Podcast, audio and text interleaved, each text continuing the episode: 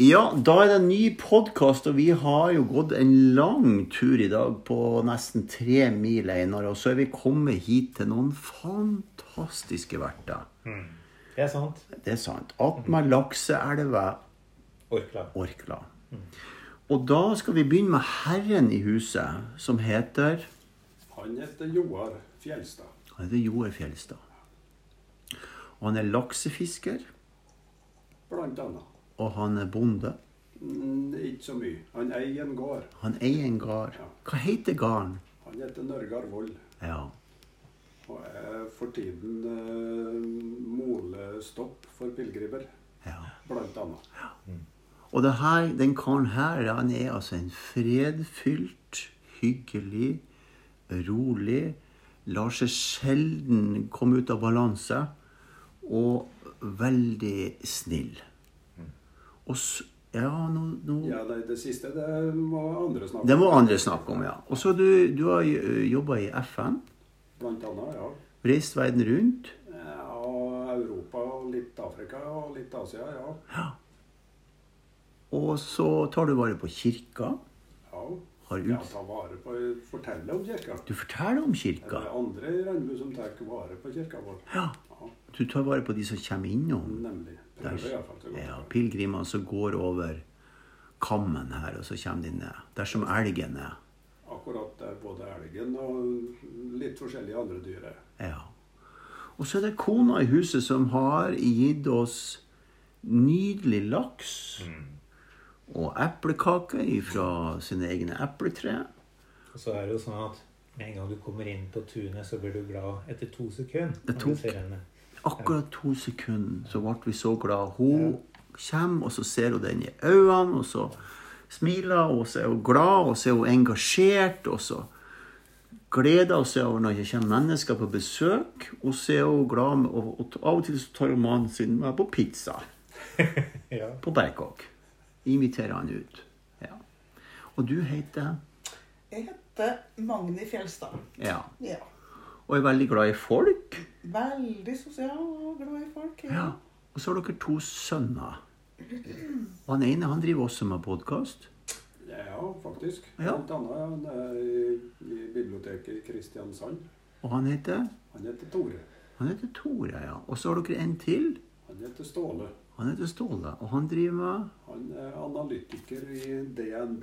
Ja, der ser du. Vi blir forskjellige alle sammen, selv om vi vokste opp på den samme fantastiske gården med de fan samme fantastiske foreldrene. Og i det vi skal gjøre i kveld det Vi sitter her i lag sammen med Einar Vegge, som er jo vært med på podkast før. Han er pilegrimsprest, og vi går i lag stadig vekk, Jan Einar. Vi er sammen om det her prosjektet på vei til Nidaros med Olav den hellige, Marta og Håkon Gullvåg. Og Det vi har snakka litt om på turen i dag, vi har hatt en fantastisk tur eh, fra Høverstølen og hit. Og det vi skal gjøre i dag, det er at vi skal For det begynte vi å snakke om i skogen, at jeg tror det er på tide nå at vi lager en podkast hvor han Einar forteller om eh, Olav den hellige. Eh, hvordan han kom til Norge, historien og det religiøse rundt han, og hvorfor han, er, han har så stor betydning for veien og for Nidaros. Men kan ikke du nå Nå sitter jeg sånn at, at uh, sjølve den hellige Olav, som er oppe av mulig Jeg så han ikke, så jeg vil, jeg vil ha en dialog med han mens jeg snakker her. I, i alterskikkelsen. Ja, nå er han der. Nå ser jeg han. Eh, men jeg, jeg kan ta utgangspunkt i akkurat det, for det tror jeg heller ikke har sagt så mye om på podkasten, at den altertavle, sentralmotivet som, som du, Morten, bærer på, det er jo lagd i en stil der dette er et, et sentralmotiv, sånn som det var på alterskapet i middelalderen. Eh, det er en sittende hellig Olav, riktignok ganske ung i denne versjonen. Og så var teknikken at man hadde fortellende sideblikk fra begge kantene eh, som var scener i hans liv. Og i den ryggen som dette skal inn i, hvis vi kaller det en rygg, så er det f.eks. en scene der han blir døpt i Roa. Og det var historisk sett antagelig i året 1014. Eh, eh, for eksempel. Og så fins det andre scener som belyser figuren i midten. Eh, som figuren i midten, han sitter med et, eh, et spesielt uttrykk, eh, fredfullt, kanskje i ansiktet, kanskje litt sånn tvilrådig, kanskje litt filosoferende. Og så har han noe under seg, som vi har snakka om det, men jeg tror ikke jeg har sagt det på podkasten. Har det? Fordi at i ikonografien, altså fortellings... Nei, kunstteknikken som forteller om Olav, så var det sånn at disse figurene som ble regna som hellige figurer, de som var helgener, eller andre viktige figurer, eh, tråkket ofte på noe. En såkalt underligger i skulpturen. På Nidarosdolens vestfront så har Olav en underligger, og på altertavlene rundt omkring har han en underligger. I ikonografien så var det tidlig i middelalderen ofte et uhyre Olav tråkka på, et dragelignende dyr. Her også var det spesielle at gjennom hundreårene så utvikla seg det litt. Så litt seinere i middelalderen så begynte det, eh, den, det dyret å få et hode. Og da skulle en jo først tro at det dyret hadde et dragehode, og det hadde det helt fra begynnelsen. Etter hvert så fikk det et hode som var et slags kongehode. Og etter hvert fikk det til og med et ansikt som var den helliges eget ansikt. Så du har hans eget ansikt i hovedmotivet med en krone. Og så har du det samme udyret med hans eget ansikt under. Så på en måte viser dette at dette som han skulle tråkke under fot, var det Bibelen kaller den gamle Adam. Det er Ah. skyggesiden av ditt selv. Ja. Ikke sant?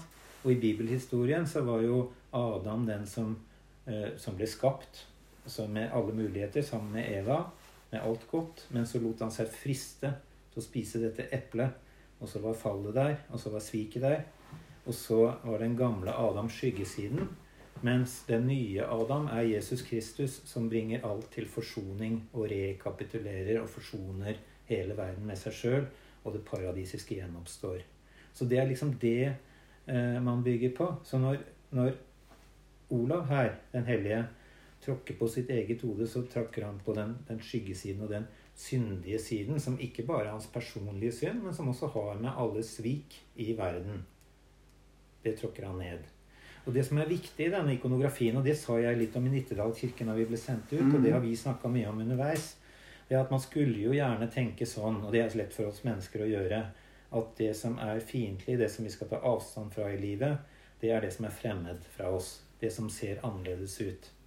Og det som vi ikke får til å passe inn i vår orden. Men det dette bildet lærer oss, at det eh, virkelig farlige kan også være det som vi blir betatt av, eller det som blir vårt eget eh, livsprosjekt, som vi blir så glad i at vi digger for det. Eh, altså vårt eget ego, Ja. eller vår egen person. Eh, men ikke da bare i disse klassiske synskategoriene som vi er så vant med å tenke i, men også det som tar overhånd i livet, sånn at vi mister eh, på en måte andre mennesker eh, eh, av, fra øyet, eller, eller mister fokus på andre mennesker, men også mister lydhørheten overfor Gud eller eh, den store verdensviljen, hvis noen vil kalle det det. Så, så det tenker jeg liksom er en nå, nå leser jeg dette motivet også litt med, med vår egen tids øyne, men det er likevel en, en meningsfull linje i dette. Og det har vi, Morten og jeg snakka om eh, underveis nå når vi bærer denne Olaven, og du har jo båret den lengst. Hva er det som, som er en, en meningsfull oppgave å tråkke under fot på vei mot det hellige, og var en meningsfull transformasjon? Eh, Hva dras man til i møte med det hellige? Det var én del. ja, så bra. Dette er spennende, altså. Så kan jeg jo si litt om Olavs bakgrunn og oppvekst helt sånn historisk. Er det eller vil du spørre meg om Jeg vil fortsette. Jeg, jeg, jeg spør når at du Hvis det er noe jeg kommer på. Em, Olav Haraldsson heter jo Olav Han blir til Olav den hellige. Født som Olav Haraldsson fordi hans biologiske far het Harald, Harald Grenske og var sannsynligvis fra det området som vi kaller Grenland. Og så er det litt sånn ulike teorier, men vi går ikke inn på detaljer. Sannsynligvis fra Grenland. Så var det bare det at Harald Grenske han var en mektig person, kanskje, kanskje en slags småkonge. Eh, fortellingen om han er omtrent sånn. Det er en trist sak. Han blir eh, ved siden av sin eh, hustru. da. Det er jo ikke helt eh, sjelden i denne tida, kanskje også i vår tid, men i denne tida så tok disse mektige personene, mennene, seg også friller eller elskerinner andre steder. Det eh, var fordi at lystne råda, delvis, men det var også for å skape gode, viktige slektsallianser. Og han ble veldig betatt av en svensk mektig kvinne. Og hun er en eh, datter av en svensk småkonge. Eh, om de var gjensidig betatt av hverandre, det er litt usikkert, men i hvert fall så blir det sånn at hun enten av egen vilje eller av slektas tilskyndelse, når Olav er på en slags beilerferd over på svenskesida, så blir det sånn at hun lokker han litt til sengs, og han får nok kanskje litt av sitt også. Men i løpet av natta så brenner hun ned det huset han er i, og han dør. Og da er Olav et spedbarn. Så han blir farløs. Men så er eh, mora til Olav Åsta Gudbrandsdatter også en kvinne av god byrd. Altså mora Åsta. Eh, som da blir alene med sin lille sønn. Hun er fra det de kalte da Opplandene, som er den litt sånn nordlige delen av Østlandet og Ja, oppover i dag. ja. ja. Oppland fylke, men også opp mot Hedmark og opp mot Eh, Hun er fra Opplandene. Hennes far var også en småkonge, så hun er god byrd. Når hun er såpass en kvinne av, av høy rang, da, kan du si, så er det ikke så vanskelig for henne også å finne en, en ny mann som der hun er attraktiv, og, denne, og, og han blir jo da får en oppdragelse. Og den hun finner, heter Sigurd Syr, og han er fra Ringerike. Så det er på den gården, Syrgården, at Olav vokser opp på Ringerike hos sin stefar Sigurd Syr og hos sin mor. Mm. Nå er til opplysning, som vi kan komme tilbake til, så er Sigurd Syr også da faren til han som blir Harald Hardråde. Ja. Og Åsta er mora hans. Så Olav har altså en lillebror. Eh, Når vi kommer så langt som til 1030, så blir denne lillebroren Harald eh, Sigurds sønn, altså sønnen til Sigurd Syr, han er med i slaget på Stiklestad som 15-åring.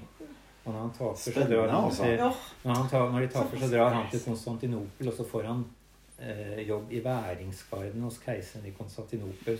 Så blir han en verdensmann i det militære, og så kommer han seinere tilbake og blir norsk konge. Og så blir han en av våre mektigste konger.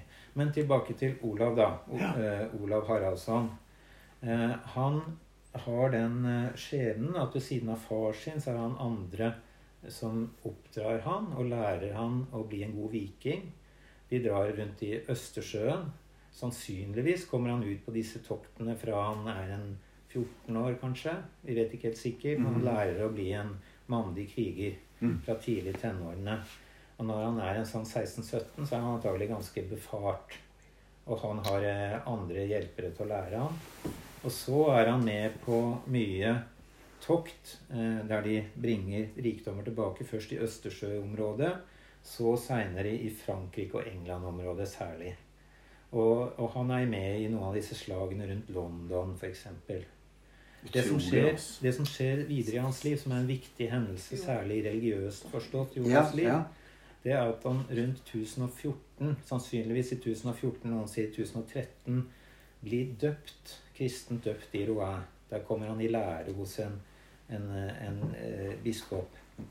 Em, og så, i løpet av den tida han er i, i Frankrike, så får han også en, en slags drøm og visjon om å bli Norges konge. Hvor, gammel, sånn- hvor gammel er han da, cirka? Ja, da er han eh, 19-20 år. Da får han denne visjonen. Eh, og da, da, eh, da er det jo sånn at hans far var av Kongseth, og mor hans var nok veldig opptatt av å fortelle den historien om at, om at din far var en konge.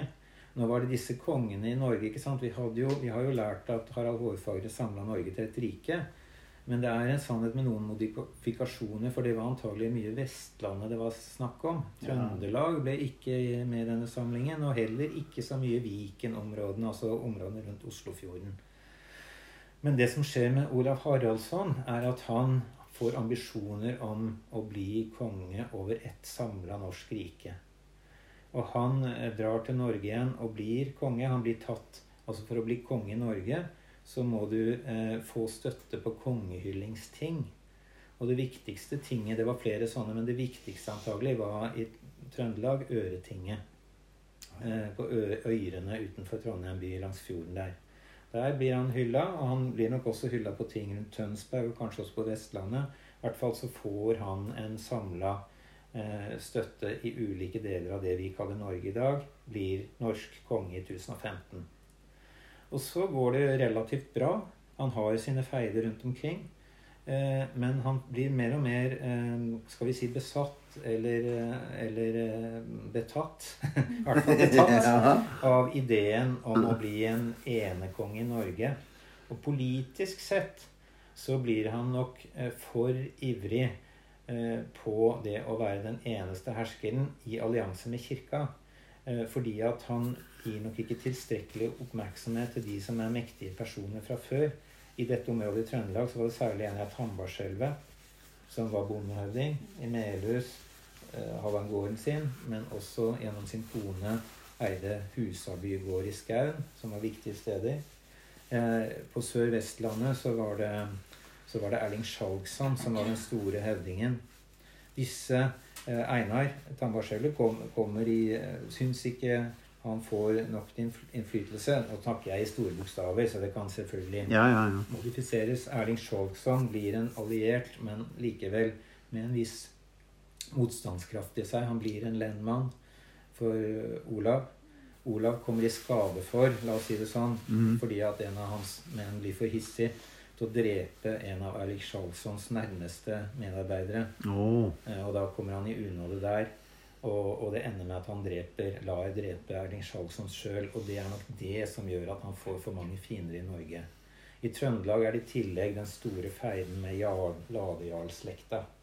For eh, ladejarlene her i Trøndelag de har levd i en tradisjon etter, etter eh, Håkon Jarl, som gikk i kompaniskap med den danske kongen. Den første var, var, eh, altså var Harald Blåtann som var den første erklært kristne danske kongen fra 960-tallet.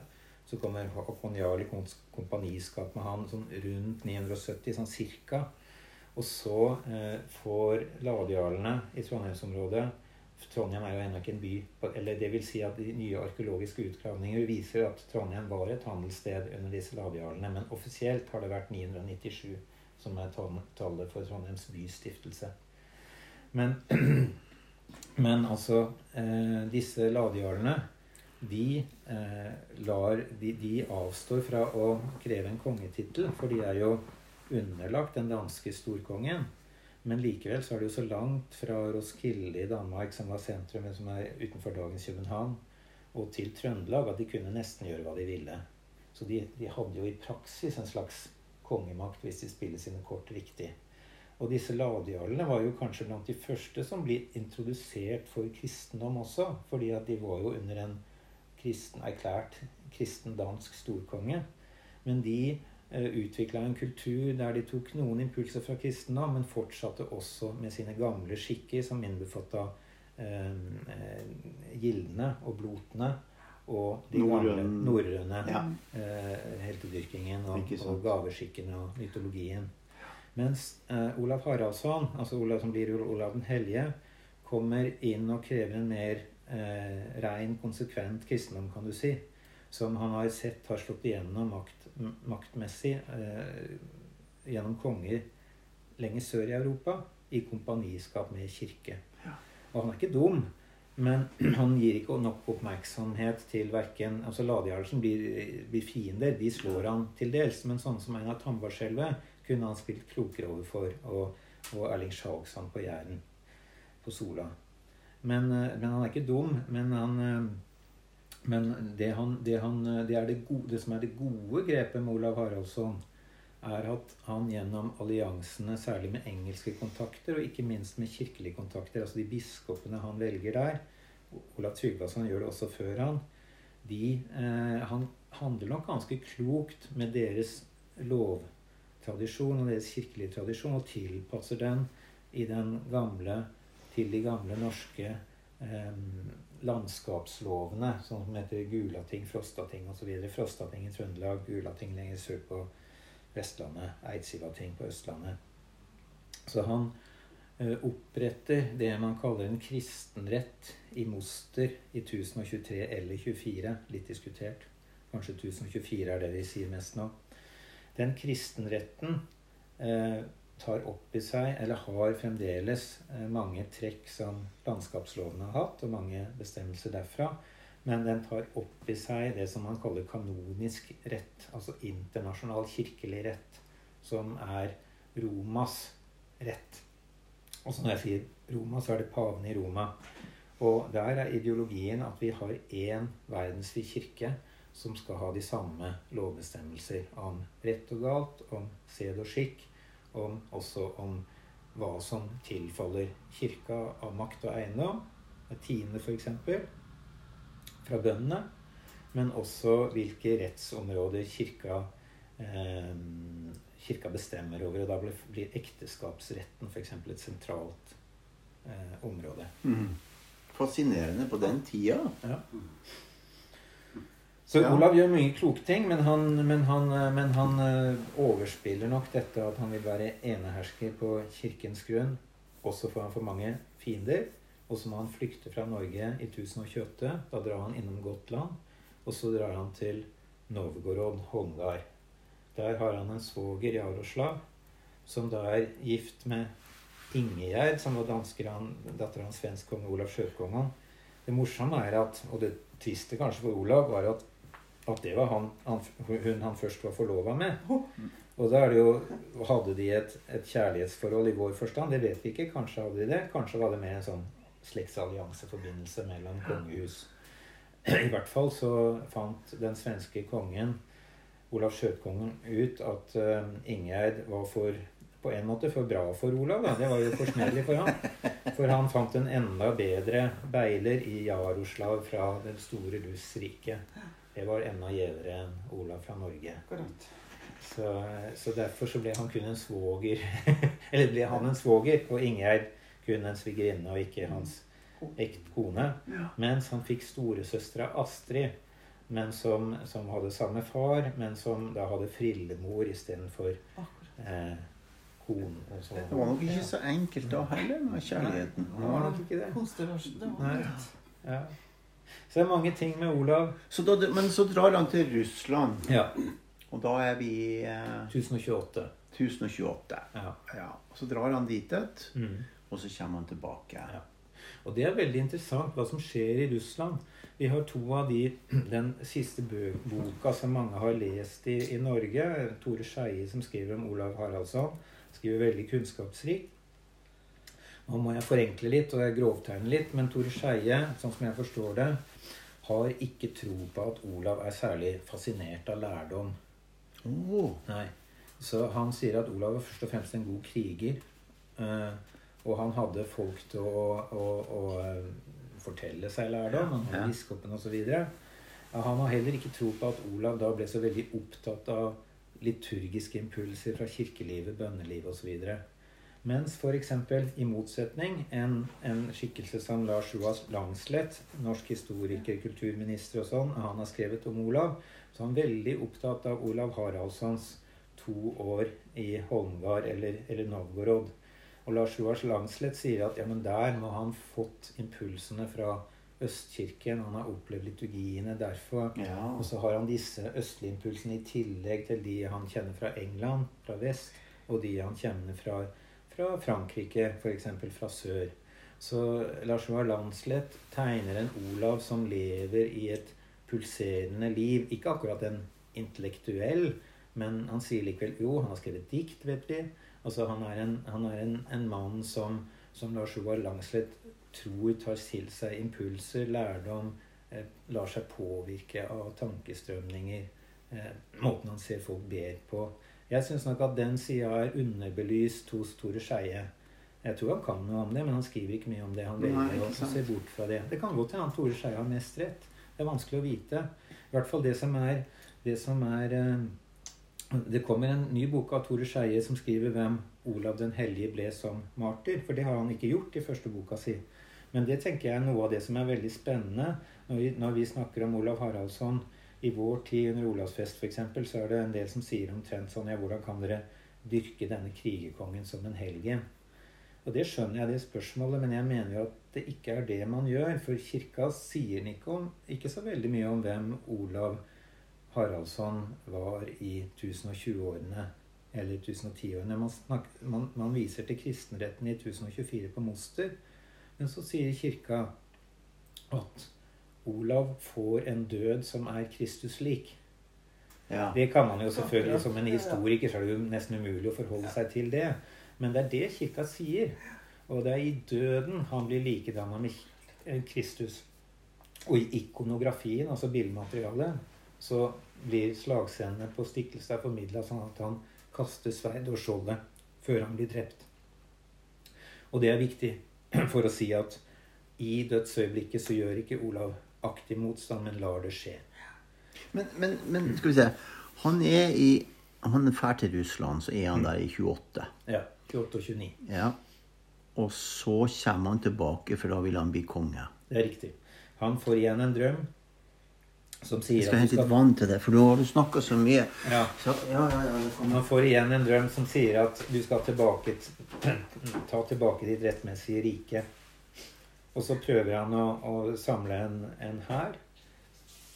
En hær av svensker først og fremst, som antagelig ikke er så aller verst, men den er ikke veldig imponerende.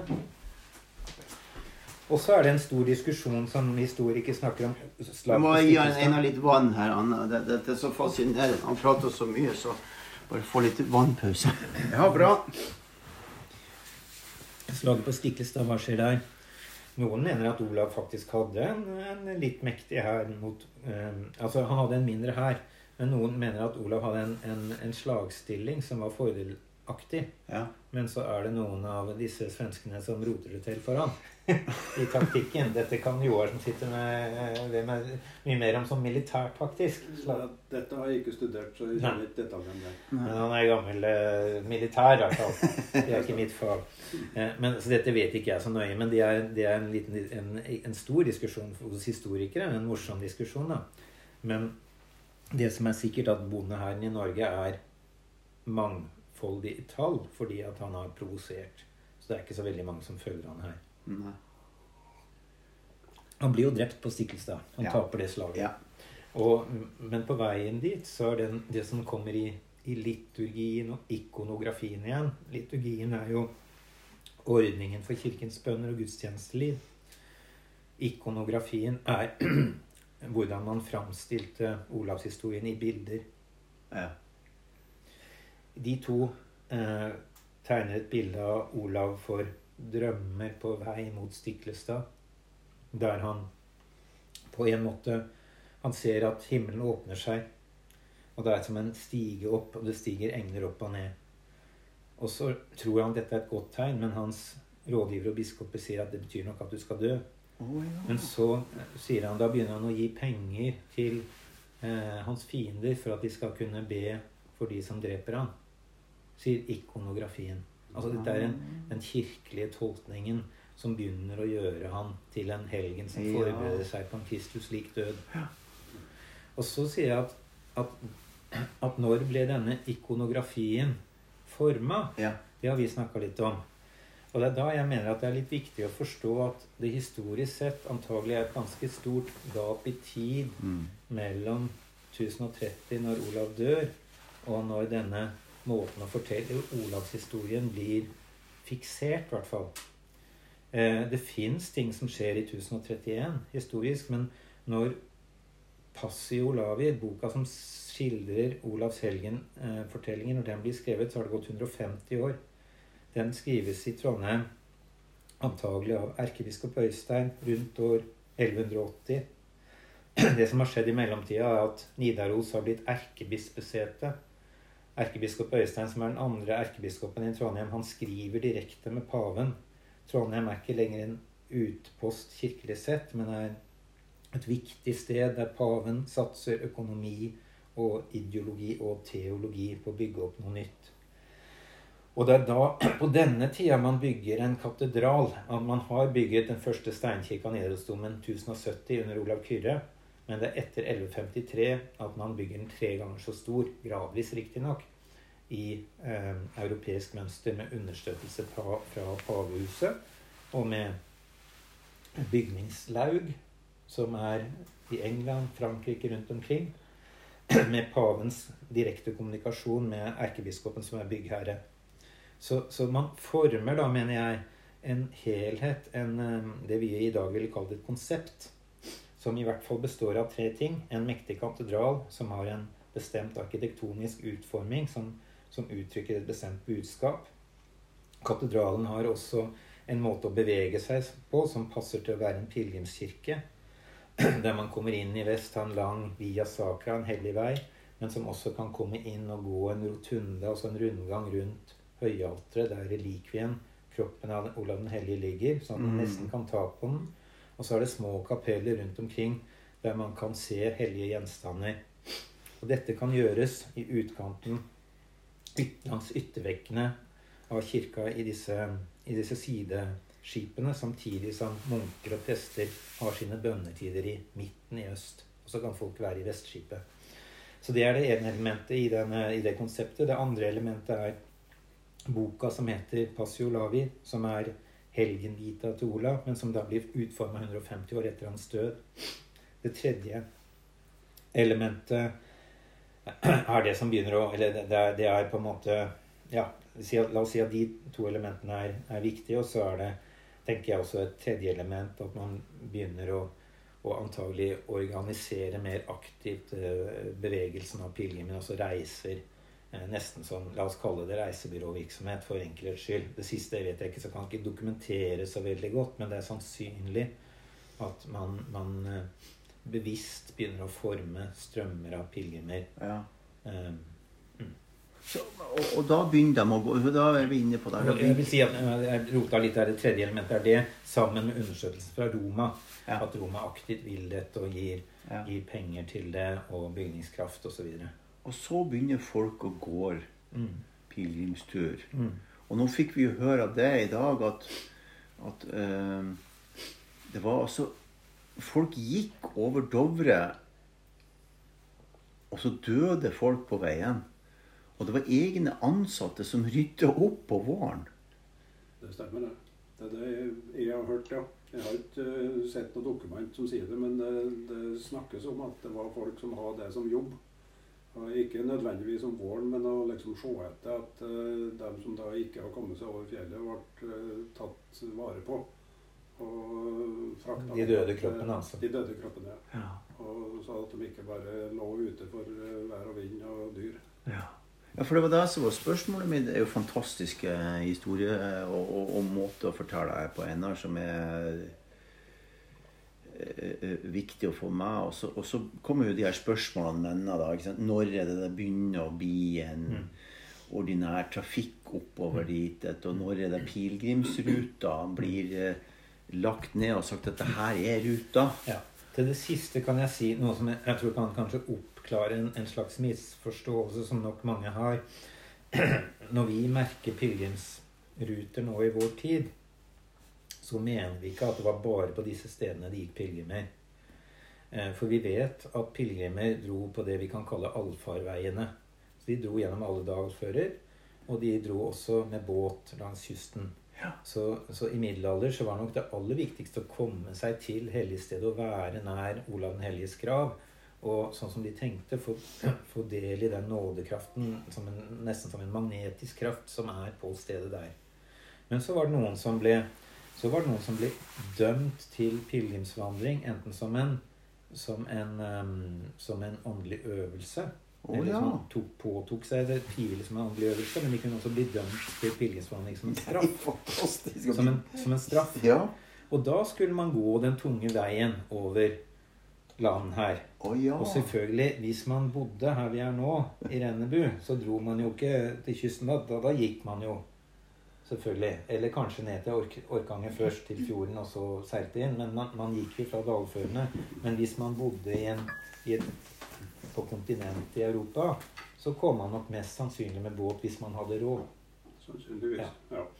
Men, eh, men det var jo også brukt, disse dalførene.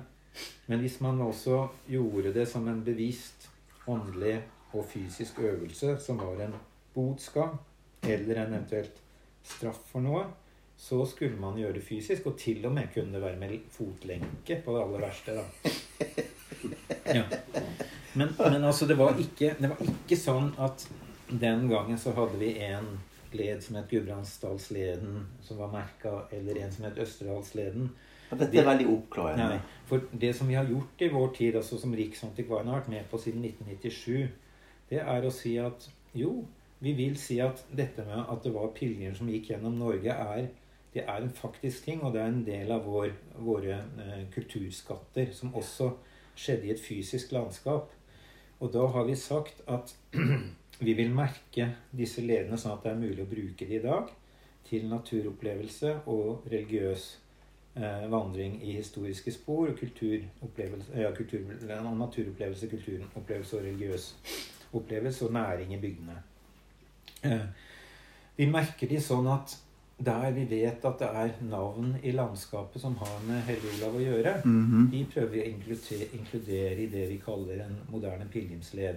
Mm. Der vi vet at sånn som på en av der jeg bodde i noen år, f.eks. langs Østerdalsleden, at her er det en kleiv som heter Pellegrimskleven, fordi at det gikk pilegrimer her. Det er klart, da bør, den, da bør det legges en sti som innbefatter dette stedet.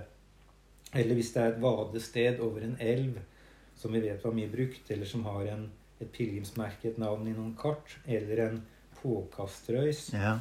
som var det der med la steinene, så, så inkluderer vi det i leden. Mm. Og Derfor ble det et gjort et veldig flott og viktig arbeid i ulike kommuner mot 1997. Og så var Riksantikvarene som, som kulturminnemyndighet med og gjorde disse valgene sammen med lokale eh, planmyndigheter i kommunene. Og Derfor har vi meningsfylte pilegrimsledere.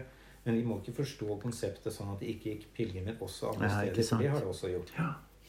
Men det som er med Gudbrandsdalsleden spesielt, da, det er at eh, den følger i all hovedsak det som var hovedveien fra det indre Østlandet, Viken, Ja. og oppover Opplandene, over til Nidaros. Mm.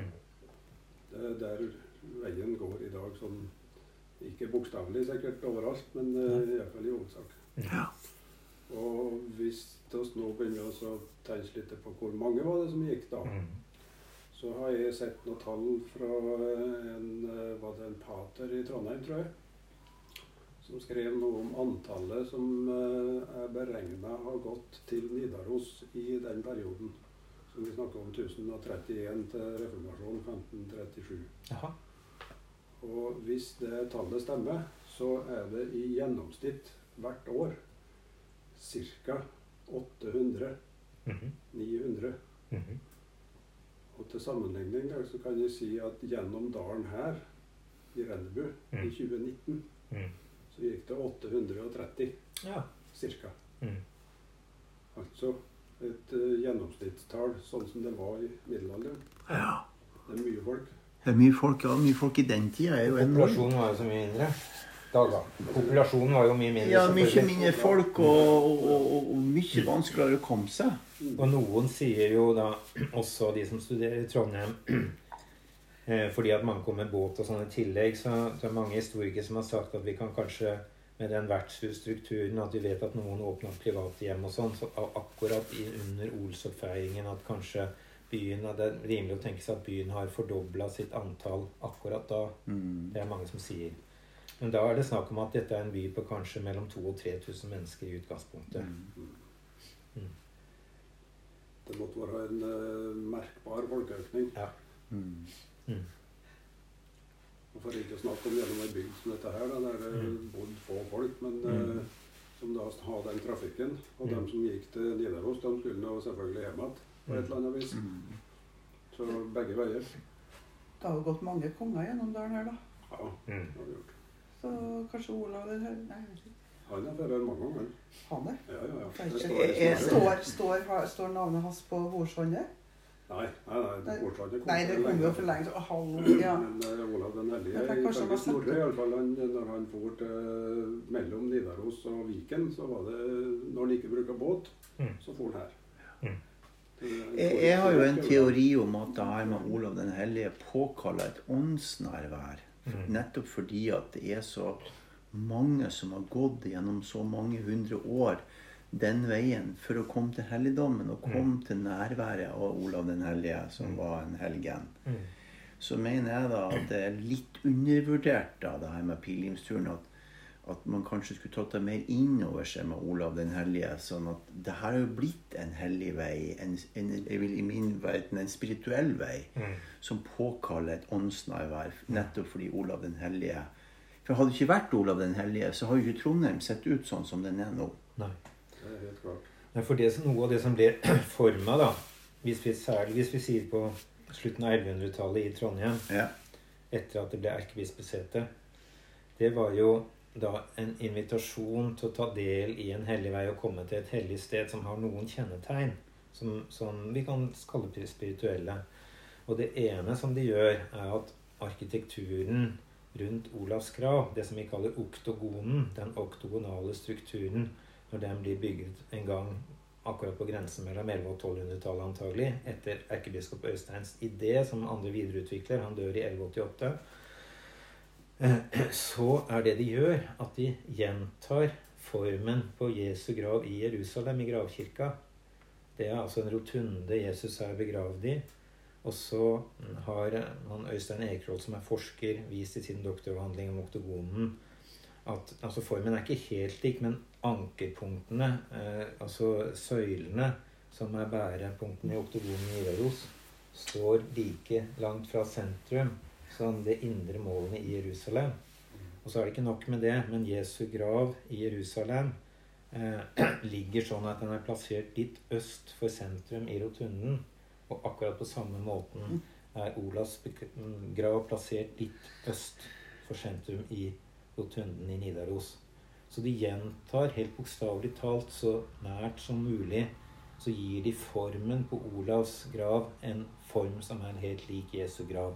Og det vil de noe med budskapsmessig. Jo, det vil si at, at på den samme måten som Jesu grav aldri bare er et dødssted og tapssted, ikke sant? men det er også et oppstandelsessted. De kaller til og med gravkirken i Jerusalem også oppstandelseskirken, eh, særlig i ortodoks tradisjon. Så gjør man egentlig det samme her og sier at Olav Haraldsson jo, han døde, men han fikk en død der han ble forenet med Kristus. Og da bruker de særlig Romerbrevets kapittel 8, som sier at den som er Nei, 6. Som sier at hvis vi får del i en død som er lik Jesu død, hans død, så får vi del også i en oppstandelse som er lik Jesu oppstandelse. Så det blir en bevegelse gjennom død til liv, som en ubevegelse ned for å bli reist opp. Mm. Det er samme bevegelsen som i dåpen, som dykkes under vann, og som blir reist opp og født til nytt liv. Så, så hele arkitekturen understreker det punktet at den norsk, altså nordboernes konge, helligkonge, fikk del i denne Kristusbevegelsen fra død til liv, fra tap til håp, og dermed blir vi som kollektiv nordbos, norrønt folk også kristnet. Og vi får del Ja, det høres ut for meg som det laget en sånn åndslinje mellom Jerusalem og Nidaros. Ja, det kan du godt si. Men en åndslig som er manifestert i stein, så den er konkret. Ikke sant? Men budskapet er åndelig og spirituelt Ja. og kraftfullt. Det er den ene tingen. Den andre er også f.eks. at vestfronten, i hvert fall sånn som den er rekonstruert Så kan vi diskutere om den helt sikkert har vært sånn, men sånn som den er rekonstruert, så er, er den kalt et, et, et monument over den rettferdige konge. Og så, hvis du ser på Olavs biografi sånn historisk, så kan du diskutere om han var et stjerneeksempel på en rettferdig konge mens han levde. Men sånn som kirka har tolka han, så har de tolka han i lys av kong Salomo og kong David, som er to figurer øverst i denne vestfronten. Ikke helt mot midten, men nummer tre på hver side av det øverste vinduet. For Salomo var innbegrepet på den rettferdige kongen sånn som han så det i middelalderen, for han forenet rettferdighet og barmhjertighet. Og den fortellingen som ble fortalt om Salomo, som alle visste, det ene var at han bygde tempelet. Derfor er han viktig Ikke sant, Salomo bygde det første tempelet. Derfor er han viktig på dette store katedralbygget. Det andre var fortellingen om at Salo dømte, Salomo dømte rettferdig. Så en gang kom det to kvinner til han som var uenige på liv og død. De hadde et spedbarn, og så krangla de om hvem som var barnets mor. Den ene hadde jo da mista sitt barn og ville si at Dette barnet er mitt barn. Og da tar sverdet Salomo først. De kommer for tronen til Salomo. Salomo tar opp sverdet sitt. Og så sier jeg del dette barnet i to, så får dere halvparten hver. Da er dere veldig fornøyd. Men da er det den ene som kaster seg fram og så sier Hogg heller hodet av meg. Og da sier Salomo til den kvinnen, du er barnets mor som velger å gi ditt liv for at barnet skal Ja, leve. sant. Og det er innbegrepet på den rettferdige dom som kan forene Ja, ja, og, ja. og rett. Ja. Og det, sånn, sånn tolker de Olav. Ja. Olav var en sånn konge, sier Ja. denne kirkebygningen 150 år etter. ja. Og så vet vi at de som skal være Norges konge gjennom hele middelalderen ellers, skal krones i den kirka. Og da har de å leve opp til det kongeidealet som Olav som rex perpetus Norvegia har gitt, altså Norges evige konge. Og det er et ideal som er, som er Salmos-basert og Davids-basert. Og så er det i tillegg dette med oktogonen og Jesu død, som er Det er jo Olavs gravkirke. Men budskapet er at dette er en kirke som er bygd som monument over en død som blir til en seier, fordi at det er en mystisk transformasjon det dreier seg om. Fra død til liv. Jeg tror vi klapper. Åh, Ja, fantastisk. Interessant Ja, det er så interessant. Var ikke det litt av et foredrag? Og den mannen vet. Hva den mannen vet, Einar. Ja, det var litt av en runde. Det er runde. da, Joar. Ja, ja. Det er ikke sånn. Ja. Så spennende. Nei, men Det er spennende å jobbe med dette, og det er, mange, det er, det er kunnskap i det, og det er mange perspektiver i det. Og jeg mener at det er en del ting her som, er, som det er visdom i. Det er det absolutt. Og så mener jeg at dette her er litt sånn eh, Det er derfor jeg har lyst til å lage den podkasten. Litt sånn folkeopplysning om hva det her egentlig er for noen ting. Ja. Når vi først går med dette fantastiske symbolet helt fra Oslo til Nidaros. Så det må jeg si. Tusen hjertelig takk til han Einar Vegge, som er pilegrimsprest, og som går i lag med meg både på ski og på føttene.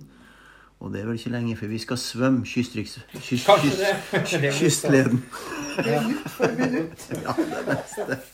Ja. Ja, bra. Du har, eh, er det noe mer, eller har du fått alt som er på ja, jeg sagt jeg hadde på hjertet? Ja, bra. Da takker vi, og så takker vi vertskapet for en uh, hyggelig aften sammen.